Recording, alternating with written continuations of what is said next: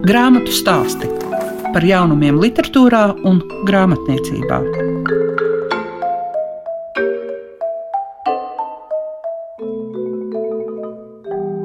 Programmā Klasika ir atkal laiks grāmatu stāstiem, un šīs dienas raidījuma veidotāja Liega Piešiņa jūs iepazīstinās gan ar Andra Akmentiņa grāmatu Meklējot ezeriņu, dzirdēsiet sarunu ar Andru Akmentiņu, kā arī pievērsīsimies nedaudz agrāk iznākušai grāmatai, kura liek pie tās atgriezties, un tā ir Tomija Kinnonena četru ceļu krustojums.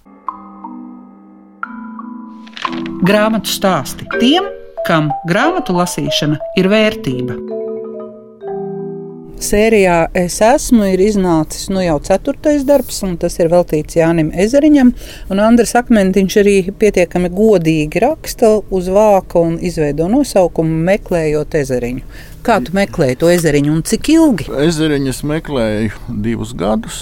Un, eh, jā, nu, tas ir jauks virsraksts, par viņu var ironizēt. Un, man liekas, tas bija vācieši. Tas dzējolis šausmīgi daudz atzīmes meklētāji un atrast būtu pļauku profesijai. Meklēt var vienalga ko, zina, kur, zina, kāpēc ar ezeriņu ir tā, ka tā viņa informācija ir uh, diezgan uh, sarežģīta. Viņa ir plāna, viņa ir robaina, jo ezeriņam bija dažādi dzīves posmi. Bija viens brīdis, kad viņš beigās saņēmās, nu labi, nu tad, lai draugiem paliek par atmiņu kaut kas, Te viņš mēģināja kaut ko apkopot, kaut ko, bet tā viņš raisījās vaļā. Viņam bija arī tādi vājumi brīži, ka viņš sev ne par ko lielu neuzskatīja. Nu, pārsvarā viņš bija kautrīgs cilvēks. Tā kā jūri līdz ceļiem, tā arī reizēm bija, protams, bet tas mainījās diezgan strauji. Tā kā jūri līdz ceļiem, tad viņš veidoja nākamo dzīvoļu krājumu, atkal pārveidoja, ja, kā grāmatā, kad es to mēģināju aprakstīt. Viņš redz jaunu grāmatu, viņš atkal pārveido secību, viņš atkal pāraksta dzīvoļus noveļas, un daži pamazām pārvēršas par novelēm. Tāda nepārtraukta radošā grāmatvedība tur viņam ir arī paralēli. Tas saraksts jēdziens, tas man bija pārsteidzoši. Es sāku ar rakstniecības muzeju, darba cielu kas tagad arī varbūt nav darba cilvēks. Tad es pārcēlos uz Madonas novada pētniecības un mākslas muzeju. Un tad es pārcēlos uz Misiņu biblioteku, tad es pārcēlos uz Valmieras muzeju. Un, uh, visur bija draugi un uh, ezeriņu mīļotāji pretī. Jo ezeriņš šis šķelmis, nopietnais šķelmis, nu, kuram vienmēr ir pretpola apkārt. Viņš ir tāds pretpola krājējs. Arī kā viņš sevi nosauca dzējolī, ka es dieviņa vēlniņš. Un to nosaukumu tad, uh, viņam gandrīz vai kā iesauku deva pēc tam jau Zenta Mauriņa. Bija, kas gribēja viņu satikt, kas uzrakstīja jauku rakstu par viņu, un uh, viņa šo apzīmējumu viņam veltīja. Un Tad, protams, ir tā kopēšana, ielīmēšana, vai kā lai to latviešu saka, nu, ka tās ziņas arī bija stipri jārevidē. Un kaut kur es intuitīvi ļoti daudz kam nepiekrītu tam, kas ir sarakstīts. Un ļoti daudz lietas, nu, piemēram, tā pirmā lieta, ko vienmēr pieminu, nu, ka viņam ir rados alunāns, bet nu, tur dzimtas rakstos nu, neatrodas kaut kā nekas tāds. Un, un mēs gan esam radinieki ezeriņu. Bet tas ļoti attāls caur laulībām. Tur mammas otrās pakāpes māsīcas vīra brālēns ir ezeriņš. Ir ļoti vienkārši. Man par to dzīvolu tādu zinu no galvas. Lūk, tā tad esam radi, bet tā. Kā man vecāmam reiz teica, nu, tad jau var Latvijā visi būt radinieki. Tās divas lietas Es domāju, ka lielā mērā publikas pieprasījums, honorāri un, un tādas lietas noteica šo ezeriņu novelismu jo viņš tomēr pamatā sevi uzskatīja par dzinieku, un arī novēlas viņš rakstīja kā dzinieks, kā dzēju, kā domājot par fonētiku, ritmiku, kāpēc arī varbūt tā noskaņa ir tik skaista. Un tajā formātā viņš vienkārši vislabāk atvērās pats. Nu, vispirms viņš vispār atvērās vislabāk vēstulēs Antonijai, sievai vēlākajai. Un tas man ir mīļākais citāts, ka es pēkšņi ieraudzīju to vēstuli, es sapratu to domāšanu. Rekā izrādās, tev taisnība var rakstīt to, ko domā. Viņš pats par sevi pārsteigts. Nevis mežģīņot kaut kādu literatūru Un līdz tam viņam ir ļoti daudz tādu spieķu, ka viņš arī pārdzimst. Viņš tulko fetu, viņš tulko to, viņš aizraujās ar vaildu, un tas viņam ir dzīvē diezgan pamatīgi. Tas vailds viņam ir sekojis ilgi. Un tad viņš pamazām atklāja sevi. Un tas romāns meklējot ezeriņu, jo ezeriņš to dara. Ezeriņš meklē ezeriņu. Un, uh, no otras puses, tur ir viena tāda baigā aizsardzība, ka akmentiņš jau arī meklē. Un ka, nu, es tomēr grāmatas beigās atzīstu, ka manuprāt, tas ir akmentiņš ar ezeriņa datiem, ezeriņa situācijā. Un īstais ezeriņš vēl kaut kur. Jo pēcvārdā tas ir rakstīts. Ja Jēzeriņš saprastu, ka kāds tagad viņu ir nolasījis šādi, viņš noteikti mēģinātu dzīvē izdarīt kaut ko tādu, lai atšķirtos. Nu, lai nedodies tā nebūtu. Un slavenā vēstule Zefertam 23. gadā, kad Jēzeriņš raksta, nu, jaunībā niekojos ar dzēju. Kādā veidā? Viņš tūlīt nākamā brīdī atkal veidos krājumu, skries pie valdes un teiks, lūk, dieva lauki labākais. Bet kāpēc mēs šajā laikā īsti ezeriņu kā dzinieku kā nepazīstam? Mēs viņu mīlam kā visu cilvēku, varbūt. Un, jā, es gribēju savilkt kopā arī dzinieku klāt ar jaunības pantiem, kas ir daudz citēti grāmatā, ar novēlēm un ar sapni par romānu, kurš trīs gadus tika rakstīts un netika pabeigts. Tādā ziņā man divos gados ir kaut kas tomēr izdevies. Vai varbūt vajadzēja arī vēl trīs, bet nu, kā ir, tā ir. Tas iemesls varētu būt tāds, ka ezeriņš dzējā emocionāli tā neatveras kā tajās novelēs, ka viņš kaut ko stilizē. Viņš caucas dziesmas tajā gultā paspēlējis. Vienkārši tā dzēja nostrādā priekš ezeriņa mīlētāja. Tad brīdī, kad mīlētājs zina kontekstu. Un tad tas piemērs kļāva pāri savām ēnām, kur bija šūpulis mazam zēnam. Tas ir tas, ko es parasti citēju šajā sakarā. Un, uh, kamēr tu nezini, ka viņš ir vēl trīs bērnus ģimenē, redzējis mazus piedzimstam un nomirstam, un ka tu nesaproti to kļāva pāri savām ēnām, nu, ka tas ir arī tikpat labi cilvēks ar savu tumšo pusi. Un tas uh, arī tā savu dzimto māju zaudēšana, kur bija tas šūpulis, un tur es vairs netieku. Tur tas viss ir bet tu viņu nevari tādā veidā izlobīt. Bez šīs informācijas viņi ir tā kā asketiski. Un tā, kad tu sāc redzēt to kopā, nu, tad tur var tikai pabrīnīties. Bet nu, tam, protams, bija jābūt apakšā milzīgam darbam, tas, ko tu izdarīji un tas, ko tu savilki. Jo citādi jau piedod tās rindas. Jā, nu, liekas, nu, banāls. Liekas. Jā, viņas ir uh, plakātiskas, pat varētu teikt. Jā, ka ir tā kā modelis. Nē, ir daži dzējoļi, kur atverās. Ir daži dzējoļi, kur atverās. Ir tādi dziesminieka palaidņu dzējoļi, ko vecgrāvis arī radio ir citējis. Tas, kad būs beidzot zemē sisti saskaņā ar melno listi, visi paliks čisti komunisti. To, to padomju represīvo aparātu un kas no tā izriet četrās rindās pienaglot pēkšņi meistars. Tādā ziņā, un tie ir tādi dziesminieki, dzējoļi. Un, nu jā, tad ir dažādi ietekmi dzējoļi, un Dārts Zvirgzdiņa meitene, kas man ļoti palīdzēja. No Madonas. Jā, tapšanas laikā viņai ir šī 88. gadā izdotā aizveriņa dzīslas izlase, jo tur jau ir jautājums par tiem variantiem ja dzīvolim ir 14 gadu laikā, ir, ir 20 varianti, tad kuru mēs pieņemam tā meitene kā kaķa mēlīti, kas pašam viņam beigās mēs pieņemam, ka riebās tas dzīvols, jo viss ar to atcerējās. Un tas jau nav labi, ka tev tā piemin dēļ viena dzīvoļa, un mums līdzīgs liktenis varētu būt arī tādā ziņā, ka šķiet, ka Kārlis Eglis to bija teicis, ka viņam pirmā sajūta, ka ezeriņš ir labs dzinieks, tīri dēļ uzvārda kad dzird vārdu ezeriņš, tad liekas, ka tur jābūt kaut kam labam. Un tas pats nu, akmentiņš. Ja? Nu, jā, jā, tur varbūt galīgi krājumi ir sarakstīti, ja, bet akmentiņš nu, skan vai ne? Nu, tur ziedonis un tā. Nu, tur ir plējādi ar uzvārdiem, kas labi izklausās. Ko tu atklāji par sevi pētot ezeriņu? Es tā kā salīdzinu nedaudz mūsu dzīves modeļus un uh, kā es vakar sievai teicu, nu redz, man tagad vajadzētu pieņemt darbā tādu sekretāri. Gadiem 25, bet redz, tādi modeļi visādi jau ir bijuši. Un iznāk, ka daudz kur ezeriņš kalpo kā negatīvais piemērs ar to, kā viņam gāja tieši tajās attiecībās. Un es vēl diezgan maigu versiju esmu atveidojis grāmatā. Un, uh, Tā ir tā atšķirība, ka tagad, kad es esmu to uzrakstījis, ir skaidrs, ka man jāmeklē ir cits modelis, kā sadzīvot ar šo pasauli un temperamentu un kautrību. Kad tas drusciņi par daudz uh, izsmeļ tos cilvēkus, kas piedalās šajā modelī. Arī tāda diezgan baisa atmiņa par to, ka ezeriņš nomirst un uh, sieva aiziet vakarā pie Rahāda Bērziņa pārgulēt tur, un tad viņi ielaiž Rīgas martu draugu pa nakti vāķēt. Nepārmijot ne vārdu, bet nu, zina, ka Rīgā viņam tāda draudzene ir. Durvīs saskatās un nerunā. Tas nāk no Marijas vēstules, piemēram. Lūk, nu, tas ir man tāds, tāds secinājums. Un tad šī blociņa rakstīšanas, nu, ka ir kaut kādi teikumi, kas ir krātuvis ka ezeriņam bija. Viņš šausmīgi lepojās, ka viņam ir tā krāta. Viņš jau bija labs reklāmists būtībā. Viņš valdesam tiešām dīca regulāri naudu laukā. Tas lielais veksels, ko viņš uzrakstīja uz Latvijas rēķina, ka būs tas ģeniāls romāns, nu, kas tev 12,000 žēl.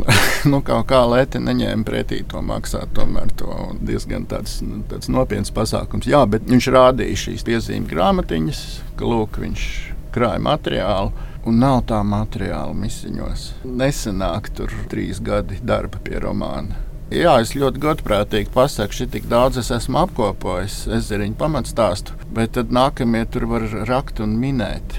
Vai viņš kaut kādu negatīvu versiju iznīdēja, Vai viņš tiešām, kā tur papirguņa strikozā, lieta krasnē par pēli. Vienkārši bija citi darbi, novēles un, un tulkojumu. Uh, tulkojumu, kas bija jārauj, un ka viņš tiešām arī netika klāt. Un, ka varbūt arī tas sākums ir pārsvītrots zili melns pa tiem trijiem gadiem, bet tālāk netiek, jo jūt kaut kā nepatīk. Kaut gan ezeriņam nebija problēma ar lieliem formātiem, jo ir garās novēles, kur ir skaidri redzams, ka pilnīgi mierīgi varētu rakstīt arī tādas lietas. Vai tu uzskati, ka tev jau piesieti tavā tūmā ir skolotāji? Jo iepriekšējais darbs sērijā mēs Latviju 20. gadsimta skolotāji un arī šeit Jānis Ezeriņš kā skolotājs. Un... Jā, es to nevarēju. Es gribēju mukt prom no skolotājiem, bet problēma ir tā, ka Ezeriņam tas skolas gadi ir deviņi spēcīgi gadi un ka nevar šos deviņus gadus apzīmēt tikai ar pirmo mēnešu izmisuma citātu, kas ir tik spožs, ka viņš aizēno visu. Tas, ka lauka skolotājs jau ir tāds noderīgs muļķis. To nevar piekarināt visiem šiem gadiem, kas bija ļoti daudzveidīgi un dažādi. Un, un, protams, beigās viņš ar saikau sakasījās un neturējās kopā vairs, bet uh, nu, tā slodze arī ir par lielu tas līdzīgi kā man bija varbūt reklāmas gadi, ka pēc aģentūras ej mājās un kaut ko mēģina rakstīt. Tas ir divas dzīves, un šeit viņam arī bija divas dzīves. Un, jā, pat divas trešdaļas ir faktiski ir laiks, kad ezeriņš atcerās bērnību semināru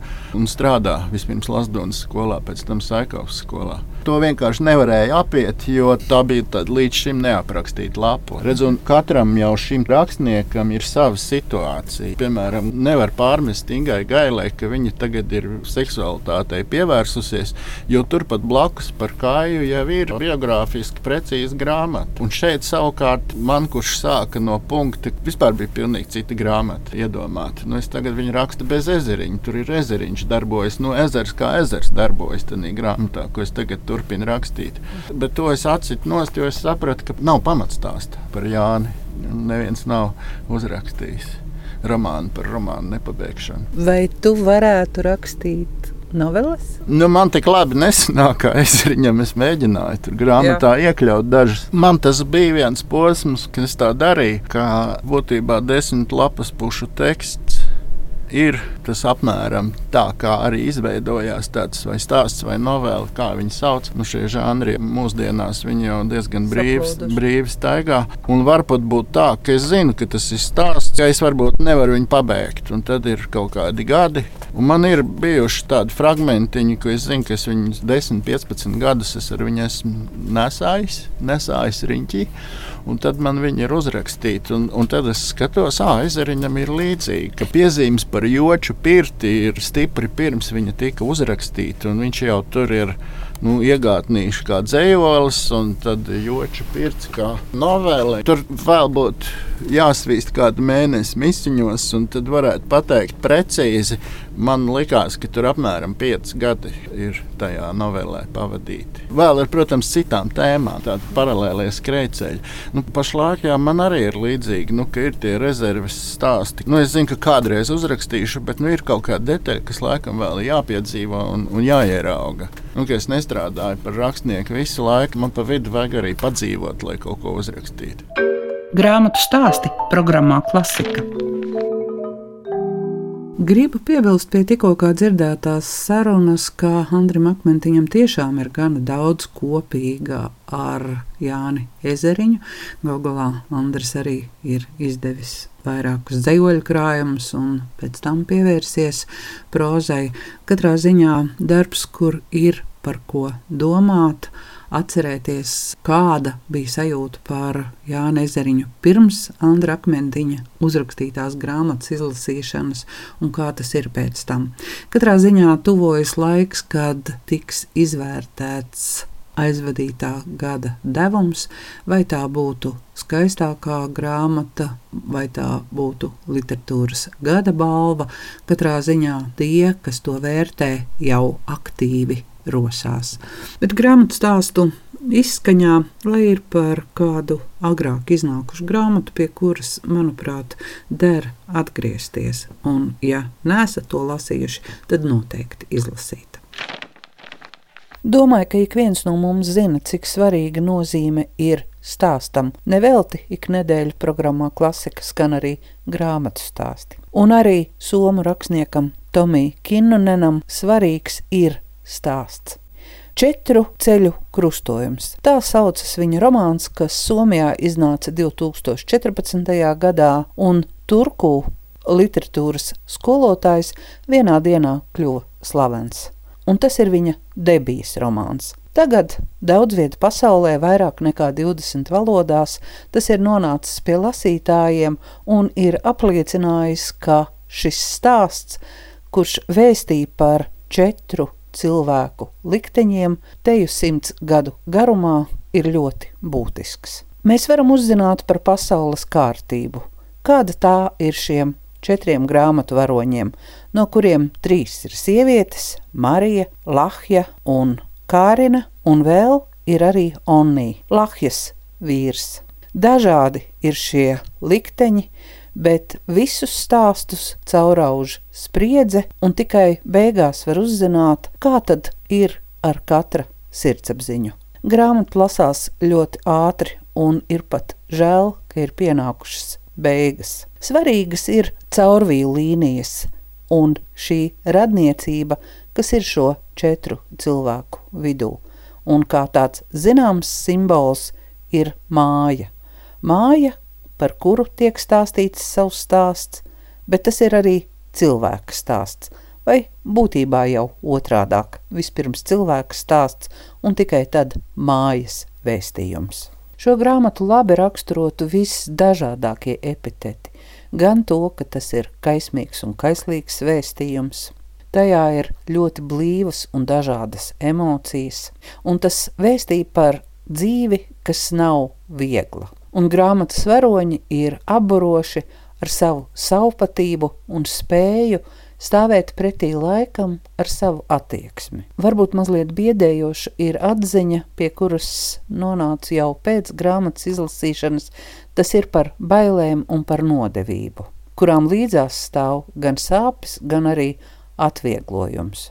Un ja mēs parasti runājam par māju kā par pavārda vietu, kur ir vēlme satikties, tad šajā reizē Tomija Kinnonens spēja to parādīt arī savādāk. Un brīžam ir šī sajūta par būri. Par būri, kurā cilvēku ieslog uz mūžu. Bet grāmatas varoņi spēja radīt arī līgstu, no kuras pacelties spārnos, bet, protams, tad ir jāspēj iedrošināties. Un droši vien, ka zināmā mērā šo stāstu ietekmē arī mūsu attieksme pret skandināvu literatūru, ko mēs vienmēr uzskatām par vēso zemju literatūru, un tajā gan vēlamies, gan spējam ieraudzīt atsvešinātību un arī padziļināti. Izskan grāmatu stāstī. Šīs dienas raidījumā dzirdējāt Andriu Akmentiņu, kopīgi meklējām ezeriņu, jo viņam sērijā Es esmu ir iznācis romāns par mums tik mīļo Jāni Ezeriņu ar nosaukumu Meklējot ezeriņu, kā arī aicinu jūs izlasīt Tomija Kinnanena četru ceļu krustojums. Visu labu jums saka Lieka Piešiņa. Grāmatu stāsti par jaunumiem literatūrā un grāmatniecībā ik trešdienu, 9.5. ar atkārtojumu Svētdien, 18.15.